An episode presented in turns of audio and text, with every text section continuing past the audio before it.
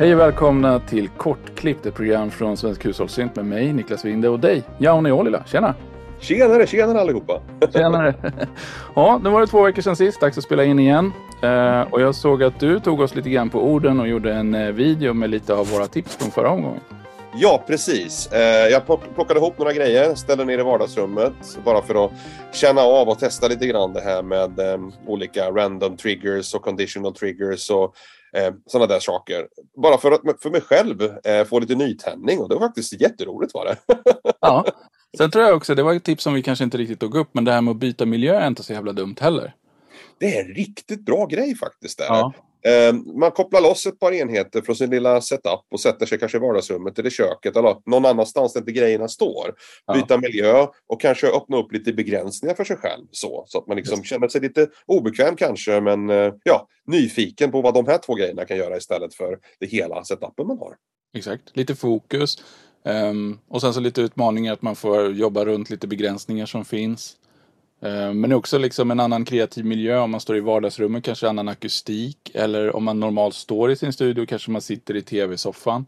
Mm. Lite sådana saker gör skillnad. Det kan vara ett bra sätt att sparka sig själv i, där bak lite. Absolut, och det går lite grann hand i hand med, med en del som snackar om att ta med sig prylar när de är ute och reser. Som ja. en liten resrigg till exempel, en eller två apparater. Eh, och det hjälper ju också till med just den här begränsningen att byta miljö och framförallt ta intryck från andra ställen än den här studion som man har sett ja, man kan alla fyra vägarna utan innan liksom. Ja. ja, och sen är man som du och jag så kanske man har spenderat ganska mycket tid på att fundera på hur man ska ställa upp alla prylar, hur man ska koppla in dem och så vidare. Mm, mm. Ehm, och där har jag faktiskt med flit, nu har jag lite för mycket prylar för att jag ska kunna koppla in dem, men jag har också med flit lagt dem liksom utspridda i studion så att jag kan, jag, jag får koppla ihop dem efter behov liksom. Mm, mm. så att jag hela tiden lurar mig att prova nya konstellationer. Faktiskt en jätte jättebra, jättebra tips. Byta plats på grejer, flytta på effektpedaler, skapa små öar med instrument på olika ställen och koppla om. Det, det, det hjälper till att förnya intresset för, för gamla instrument som man kanske har tryckt på ett antal gånger genom åren. Ja men så är det och sen också det slår mig hela tiden varenda gång jag flyttar ut en synt ur studion. Och nu har jag gjort det lite oftare för jag startar mitt Instagram-konto och ska ta bilder på dem hela tiden. Men varje gång jag flyttar ut en synt så upptäcker jag hur mycket större den är än den ser ut när den står på hyllan i, i studion. Bara att bära på min Krumer Spirit, är liksom ut genom dörren får man gå liksom snett. det går inte ut på tvären. nej, nej, det gör den inte. Och jag kan tänka mig, jag menar någon, någon Matrix 12 eller en OBX eller något sånt där måste ju vara ett härke att dra runt. Yes, jag har aldrig faktiskt skruvat på en Matrix, Matrix 12 i verkliga livet. Bara expandern och den är ju gigantisk bara den. ja. Jag hade en expander många år ja, när jag bodde i Karlskoga. Mm. En fantastisk maskin men den är Ja, den är lite pysslig. kan man säga. Eh, dagens ämne då. Idag tänkte vi prata lite grann om eh, hur, hur, man tar sig över från mjukvara till hårdvara. Man håller på med musik ett litet tag. Man har provat lite olika grejer. Och känner så här att ja men, men nu, nu måste jag köpa på mig lite hårdvara. Vart börjar jag någonstans? Var, var kan jag, hur kan jag lösa det här? Ja, precis. Man är lite nyfiken på de här apparaterna. Man har sett massvis med prylar på webben. Man har sett folk på olika forum som snackar olika syntar. Att man vill ta ett första steg och var ska jag börja någonstans egentligen? Och det är väl lite grann då eh, förutsättningar man måste ha för att komma igång. Det är ju, det är ju nummer ett att ha en dator och någon form av ljudkort som man kan koppla in och interfacea mot grejerna. Eh, det kanske är så att man inte ens har en mixer när man börjar. Man kanske inte har liksom, eh, reglar och, och kanaler man kan förstärka. Eh, alltså öka line-signaler och gaina in, gain stage eller liksom sköta EQ och sånt där. Utan man kanske bara kan koppla grejerna rakt in i ljudkortet. Och det funkar faktiskt alldeles utmärkt att göra det. Så länge du har någon form av input i ditt ljudkort, eh, någon form av tele, whatever, eh, så kan man köpa egentligen stort sett vilken apparat som helst för att koppla in och spela in. Ungefär som en mikrofon då. Eh, och sen får man väl tänka lite grann på vad är det man är ute efter då? Vad, vad är det man är nyfiken på? Eh, det vanligaste man vill ha någon form av synt. Mm. Eh, och då ska man titta liksom på kanske eh, subtraktiv syntes så det absolut bästa man kan börja med är att titta på en enklare monofonisk maskin som har reglar för alla parametrar egentligen. Eh, och det är det snabbaste, absolut eh, enklaste sättet att komma igång med en maskin eh, som är väldigt enkelt att även implementera i sin setup och även liksom, eh, kunna direkt egentligen eh, få ljud ur. Då. Och någonting som du, eh, vi snackade om det här precis när vi började spela in och det är viktigt att ha någonting som man kan trycka på som gör ljud så man förstår vad det är som genereras. Istället för att kanske köpa en komplex trummaskin eller någon sån här eh, eh, 303 eller något annat liksom som tar väldigt lång tid att komma in i och få ut eh, faktiskt material ur. Så det är bra att ha ett keyboard man kan hamra på. Ja men precis. Jag tror att eh, om du skulle köpa en maskin som, ja, det finns ju ett antal billiga rackmonterade prylar från en tysk tillverkare som fått lite dåligt rykte. Eh, och de är jättefina, jag gillar dem absolut. Men, men eh, det kan ju vara lite handikappande då att man inte kan få en ton ur dem utan att koppla dem till någon sorts klaviatur eller, eller till datorn och styra den via dem. Så det kan vara lite så här hämmande i början. Så jag tycker att Ska man lära sig liksom analog syntes från början och förstå vad alla rattar och reglage som man har sett tonvis av i mjukvaror, vad de faktiskt gör och liksom få en lite mer intim connection till ljuden, då, då skulle jag nog föreslå en, en liten analog synt med klaviatur. Som till exempel eh, Arturia Microboot, väldigt bra exempel. Yes. Eh, det finns många begagnade där ute som, som man kan köpa för en billig peng eller till och med nya om man, om man, om man vill det.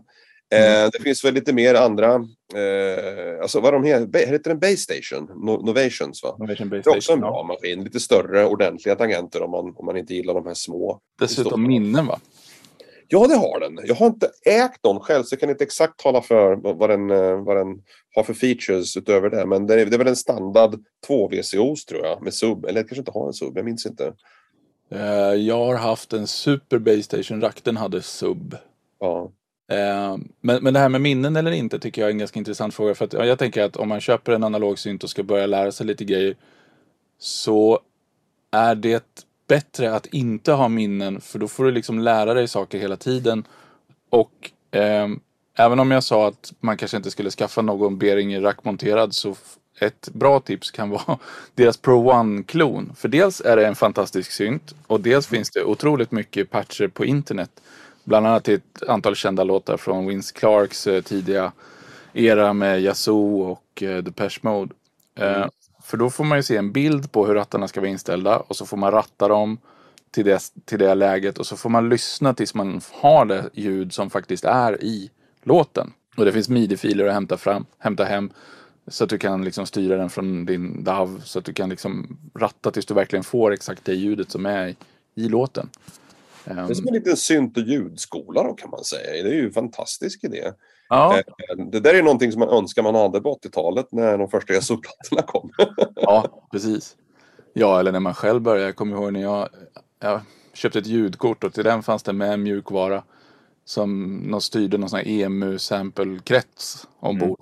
Mm. Mm. Och så öppnade man någon editor och grejer och så var det så här enveloper och LFOer och allting sånt där. Jag tänkte, ja vad fan är det här? Vad gör alla de här grejerna? Tänkte jag någon dag ska jag veta vad alla de här rattarna gör, tänkte jag för mig själv. Men jag, tycker, för att återkoppla till det där du sa, jag tyckte det var väldigt intressant det här med att inte ha Pressets eller, eller ha Pressets i en, en synd när man börjar. Jag tycker det är en fantastiskt bra idé att köpa en utan Pressets. För det är ju någonting som jag tror att jag själv är ansvarig för eller skyldig till om man tittar på en ny maskin så presset surfar man igenom apparaten istället för att ge sig på och börja krana direkt. Mm. Eh, när man väl börjar krana på en maskin så förstår man liksom vad alla rattarna gör om man inte är van vid en, vid en hårdvarusynt tidigare. Och framförallt då så vet man var alla sweet spots sitter efter ett tag. Man börjar liksom lära sig och, och göra ljud med den. Eh, ja. Så jag tror att det är en exceptionellt bra idé faktiskt. Sen såklart, alltså man kan, om man har om man har en möjlighet och disciplin så kan man väl strunta i att surfa presset. Men eh, det blir billigare också tror jag om man, om man inte köper en maskin som har massa minne och massa andra features inbyggt. Ja, så brukar det ju vara. Nej men och sen så just det här att i början då när du, när du kranar ljud så vill du liksom spela in det och använda det i någon låt och sen så vill du använda ett annat ljud och sen så vill du gå tillbaks till det första ljudet. Då har du inget val annat än att komma ihåg hur du har vridit fram ljudet och då tvingas du förstå hur det hänger ihop. Och så, så vet du liksom att, ja men, just det, det där tricket använder jag för att få det ljudet. Liksom lite, kanske FM på filtret för att få lite, lite mera rasp. Sådana saker. Mm, mm. Sånt som du liksom, det lär du dig definitivt inte av att, att preset-surfa. Nej, det gör man inte. Och jag är själv extremt dålig på när jag skriver musik i en DAV, att jag, när jag använder syntar, jag sitter ju inte och gör ljud från en init. Utan man pressetsurfar fram någonting och så justerar man parametrarna lite grann. Mm. Jag tror att om man köper sig en hårdvarumaskin då tvingas man egentligen till att lära sig hur syntes, syntesen funkar. Och den lärdomen kan man ta med sig in i sin DAV sen till de syntar man använder där. För att snabbare kunna ändra och tweaka och åstadkomma de resultat man vill ha i, sitt, eh, i sin datorvärld också. Exakt. Så, men om man ska tänka på vilken hårdvara man ska ha då, förutom den där synten man behövde köpa, eller vill köpa, för det är roligt att köpa syntar. Um, vad, vad, vad, behöver man då? Ett ljudkort som regel? Garanterat ett ljudkort. Det är ju egentligen det viktigaste som man kan interfacea på hårdvarunivå med de maskinerna man köper. Mm. Eh, och jag tror nog att man skulle leva ganska gott med att ha någon form av mixer kanske om man tänker köpa flera maskiner om man inte har jättemånga in, in, inputs på sitt ljudkort. Och det finns ju massvis med billigare eh, apparater från den där tidigare nämnda tyska tillverkaren om man önskar. Eh, och så tror jag nog också att man, om man är intresserad av att köra eh, synkat, eh, det vill säga klocka informationen om da datorn nu. Jag menar alltså synten man köper har ett USB-interface, kan ju köra med USB-kabel. Men man behöver ju midi-kablage också, de här gamla fem, fempoliga DIN-kontakterna. Eh, förutsatt att man har då eh, midi på sitt ljudkort också. Eh, och det är väl en bra start. Man ska säga ljudkort, eh, kolla så man har rätt eh, ingångar, ljudingångar, kolla så, kolla så att man har midi-interface på sitt ljudkort. Om inte eh, så kanske man vill skaffa sig en, en synt som även har USB eh, över midi. Ja. Och sen behöver man som regel vanliga telekablar för att jacka in alltihopa då. Precis, precis. Och har man hållit på med lite musik i datorn så kanske man har en DAW som man trivs med. Um, och, och, för de här syftena så borde det funka alldeles utmärkt med typ garageband. Bara för att spela in lite grann i början. Ja, precis. Det är exakt samma, exakt samma tillvägagångssätt och teknik som att spela in sång med, med mikrofon fast istället man använder en, en, en synt då, eh, via en linjeingång. Så den, det borde inte vara en större tröskel för någon egentligen att komma över.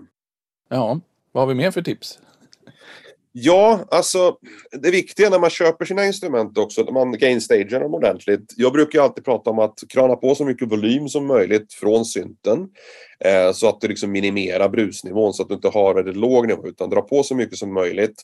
Så gainstagear du i din mixer eller ditt ljudkort för att undvika eventuellt brus och sånt där. Eh, och sen har man då apparater som man köper, en del syntar kommer med sådana här USB eh, strömförsörjningsgrejer. Och det är en så här, ett varningens finger lite grann beroende på vilken tillverkare det är. Men jag har upplevt massvis med problem när jag eh, matar strömförsörjningen från datorn till min ljudenhet eller till min synt. Så får jag mycket jordbrum och sånt där. Utan eh, gärna någon form av separat strömförsörjning eh, till, till sin maskin är att föredra. I alla fall de setuper jag jobbat med så har det löst må många brus och brumproblem jag har haft. Bra strömmatning till saker och ting och välgjordat hemma precis, precis, ja, precis. Och att alla sitter gärna på samma jordgrupp eller vad man ska säga. Det är svårt att veta men, men som du säger, det här brummet som kan uppstå det kan ju bero på att man sitter på olika säkringsgrupper och det är olika jordat och massa olika dumheter. Särskilt i gamla hus som jag bor i. Ja, alltså jag, jag hade någon, eh, jag tror det var Roland Butik JX03 och JP08, de hette de där, eh, som jag lånade och testade i Malaysia för många år sedan. Och där hade jag extrema problem när jag körde ström direkt från datorn för att spela in. Det gick ju, gick ju knappt att genomföra. Jag vet inte om de har löst problematiken, om det en mjukvarugrej eller hårdvarugrej. Men eh, en snabb lösning att koppla en egen sån här eh, mobiltelefonladdare till synten så var problemet löst. Ja. Så, så, att, eh, men sen, ja, det kanske är ett annat avsnitt hur man drar drar kablar och drar liksom ström och, och eh, ljudsignaler separat. Men det kanske är ett annat avsnitt. Ja, det kan vi ta en annan gång. Och sen för att styra den här maskinen som du har köpt nu då, så, så måste du ha midi ut från ljudkortet och in i, i eh, synten. Då är det också viktigt att komma ihåg att det är inställt på rätt kanal. Eh, precis, precis. Midi har ju 16 kanaler till förfogande. Och synten lyssnar ju liksom på en av de 16 kanalerna. Så det måste man se till är rätt. Så från, från datorn kommer det liksom signaler med rätt midi-kanal då. Precis, det beror lite grann på vilken DAV man har också. Så kan man ju tweaka de där parametrarna. Som i Cubase så så när man skapar ett midi-instrument, ungefär som en VSD, så skapar du ett midi-instrument istället och där väljer du då vilken kanal som du vill skicka på. Och även då vilken kanal du vill eh, ta emot, alltså insignalen på. Så en grej kan ju vara att tänka på om man kanske har ett keyboard sedan tidigare till sin dator. Eh, så, kan man ju, så ska man då välja att midi-keyboardet eller USB-keyboardet som man har skickar midi-signalen in till datorn och så routar man då på den kanalen eh, till rätt midi-kanal ut från datorn in i den synten. Då.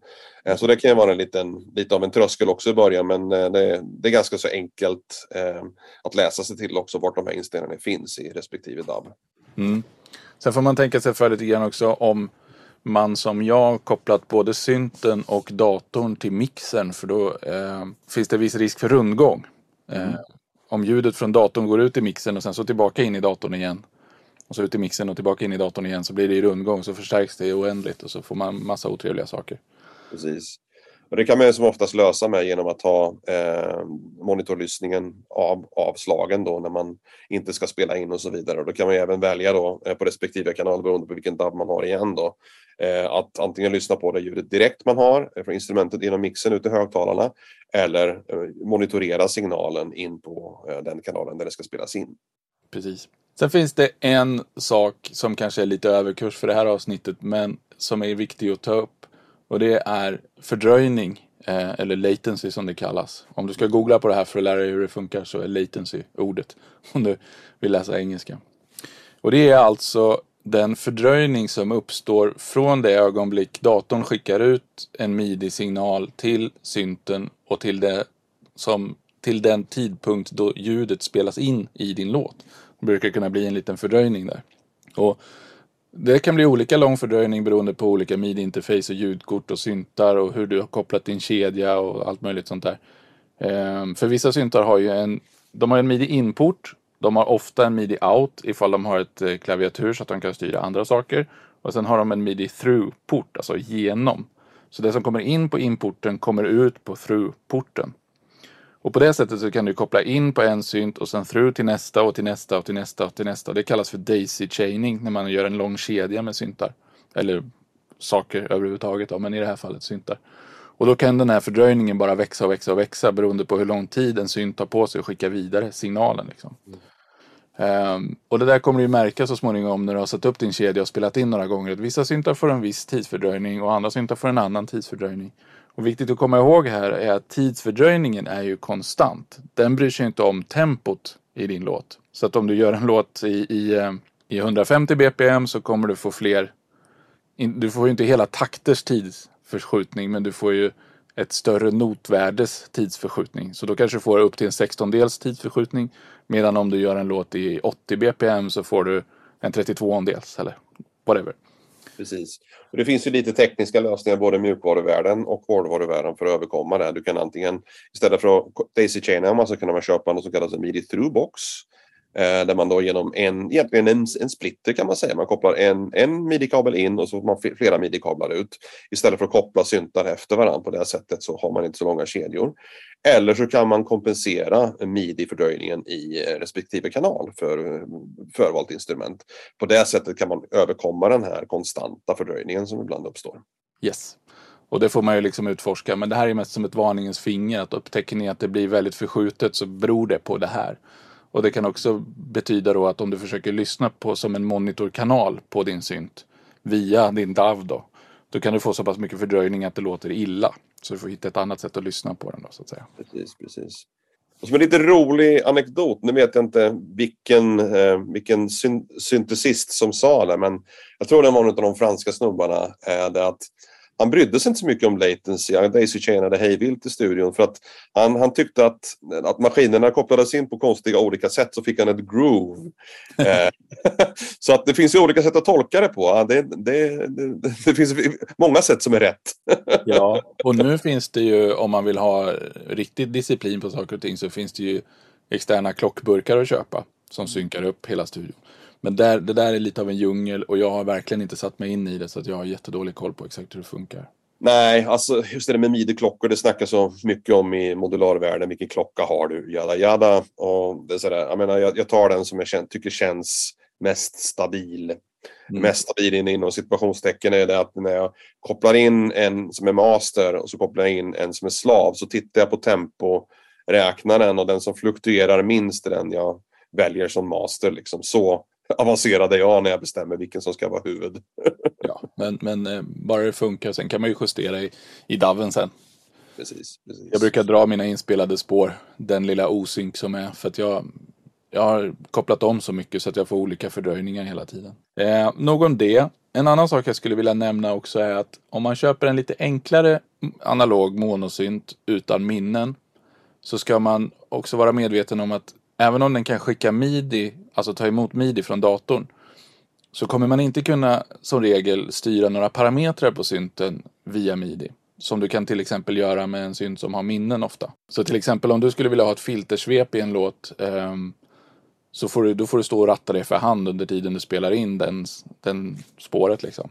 Mm. Eh, för, för, att styra det med, med midi går som regel inte. Och det beror på att syntar med minnen har en liten dator i sig som läser av alla rattarna och sen så styr den själva syntkretsen som sitter inuti synten. Och den här datorn kan också skriva till ett minne och läsa från ett minne och, och liksom strunta i vad rattarna står. Och eftersom den då kan hantera det på det sättet så kan den ju lika gärna som den läser av en ratt digitalt så kan den ju få ta en digital signal från en dator och styra syntkretsen under sig. Då. Så det där med minnen och parameterstyrning via midi brukar hänga ihop på nyare maskiner.